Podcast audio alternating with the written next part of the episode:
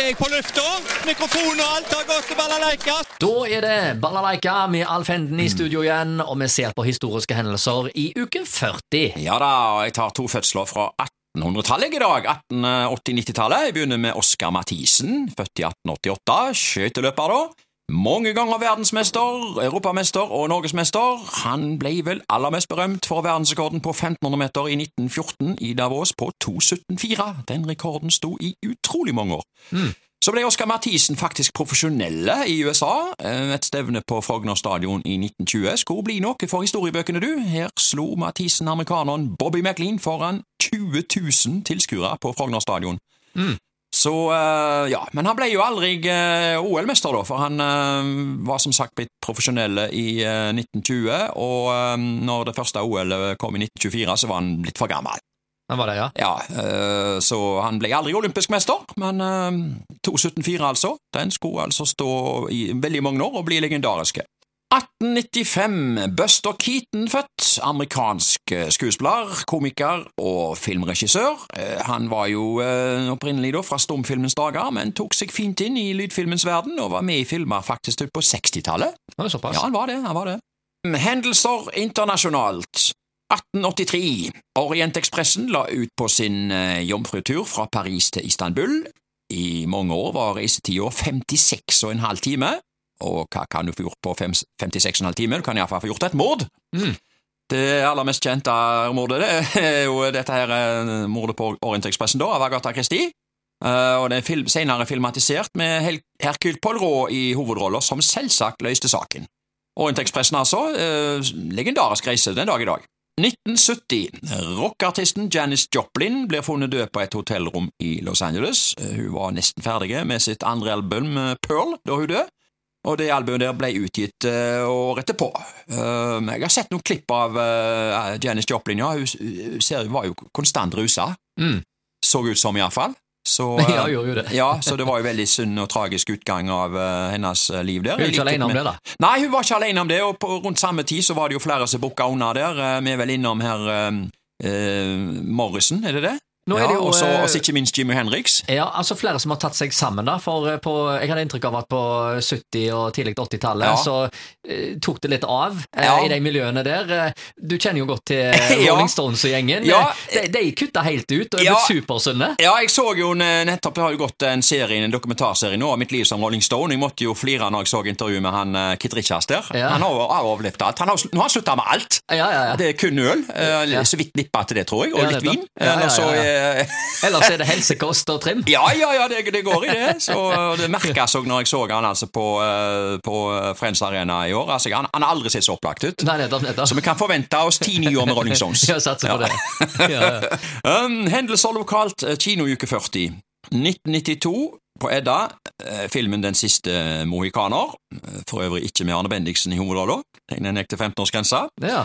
Så gikk filmen Patriotenes eh, spill, actionthriller med Harrison Ford og Ann Archer, 15-årsgrensa på den. Og så gikk eh, filmen Englagård, 10-årsgrensa. Og så tar jeg med en eh, norsk farse, Ute av drift. Rolf Wesenlund og Nils Fugt i to av rollene. Og dette var første gangen jeg så Nils Fugt i en film og på en scene. Jeg var og så nøyaktig dette her stykket her og nede på Maritim, som teater, da. Fantastisk morsomt. Nils Fugt han ble jo mm, kjent med litt senere, ikke minst i Mot i brøstet og uh, Carl og co. Eh, Mm. Ja, ja. Alt, alltid sinnatagg og Ja, ja. ja. ja. Karakteristisk. Ja, ja, ja. Um, litt gamle saker her. 1919. Haugesunds Avis skrev råkjørt i 40 her. En sjåfør var i dag under tiltale for å ha kjørt hurtigere her i gatene eh, her i byen med sin bil enn tillatt. Den største tillatte hastighet her innenfor byens grenser er 15 km i timen, men tiltalte skal ha kjørt med hastighet av 35 av 40 km i timen. Politiet hadde forelagt ham en bot på 25 kroner, noe han nektet å vedta. Retten fant han skyldig og forhøyet boten til 40 kroner. Ja, altså råkjørt i 40? Eh, Ok. Ja, eh, det syns jeg gjerne eh, fortjener 40 kroner i bot. Det blir, Ja.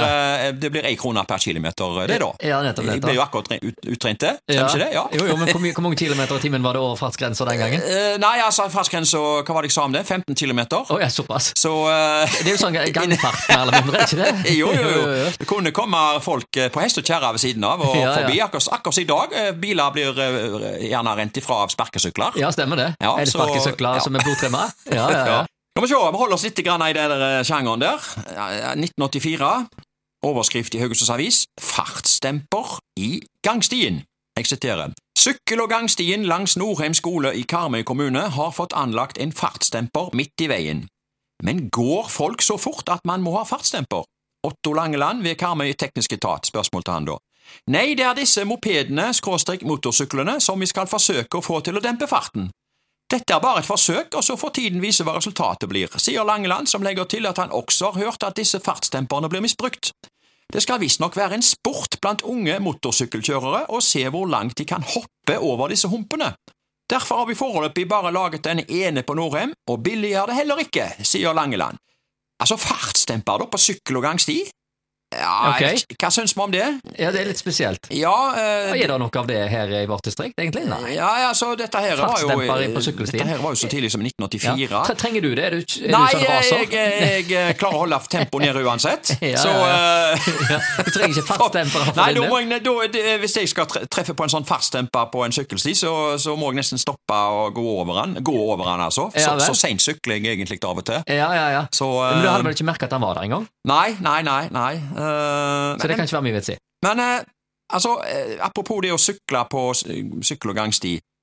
Det er jo av og til litt vanskelig å koordinere når du skal Du vet at du, foran deg så ser du noen går, la oss si 50 meter foran eller 100 meter foran. Ja, ja. Og så skal du forbi, og så føler jeg at Jeg føler alltid at det kommer mange imot, og så ser du at det blir, vil bli et dilemma her. Da kommer kanskje ei med barnevogn som går der, og så er det kanskje to som kommer joggende. ja. Så- I hver altså- sin retning? Ja, ja, ja, så dette her Så du må eh, kjøre liksom sikksakk? ja, så du må, du må liksom sykle litt uh, sikksatt. Det er liksom noen sekunder der du må, du må tenke ut en strategi, faktisk. For ikke å kjøre på noen? Ja. Ja. Men det er ofte er det gress eller grus eller asfalt eller vei eller et eller annet ut forbi, så noen ganger kan det være greit bare å Så, så lenge det ikke kommer biler der, bare svinge ut i veien da, og så sikre deg at du sykler rundt. ja, ja, det er jo det er mange taktikker ute og går. Men eh, Ja, se, se dette Eller her kan bare hive den på hjulet. Ja, ja, men se dette her når du, når du kommer på sida av noen, og så La oss si det går ei, ei, ei, la oss si det går ei, en person alene, da. La oss si det er ei dame som går alene. Ja, ja, ja. Og så, og så må du ta en strategi på skal jeg ringe med ringeklokka, eller skal jeg ikke. Eller du kan bare Det er feil uansett. For en, Hvis du ringer, så, så kvekker de, og hvis du ikke ringer, så klager de på at du må ringe med bjella. Ja vel, men du kan jo bare gaule litt. ja, da kvekker de i alle fall. Så det er mye problemer ute, ute i, eh, på sykkel- og gangstiene, altså, men jeg vet ikke akkurat om fartsdemper er det som eh, vi trenger her, altså. Da er det bare én ting å spørre om, føler jeg. Fartsdempere på sykkelstiene! Hot or not? Nei, det er not.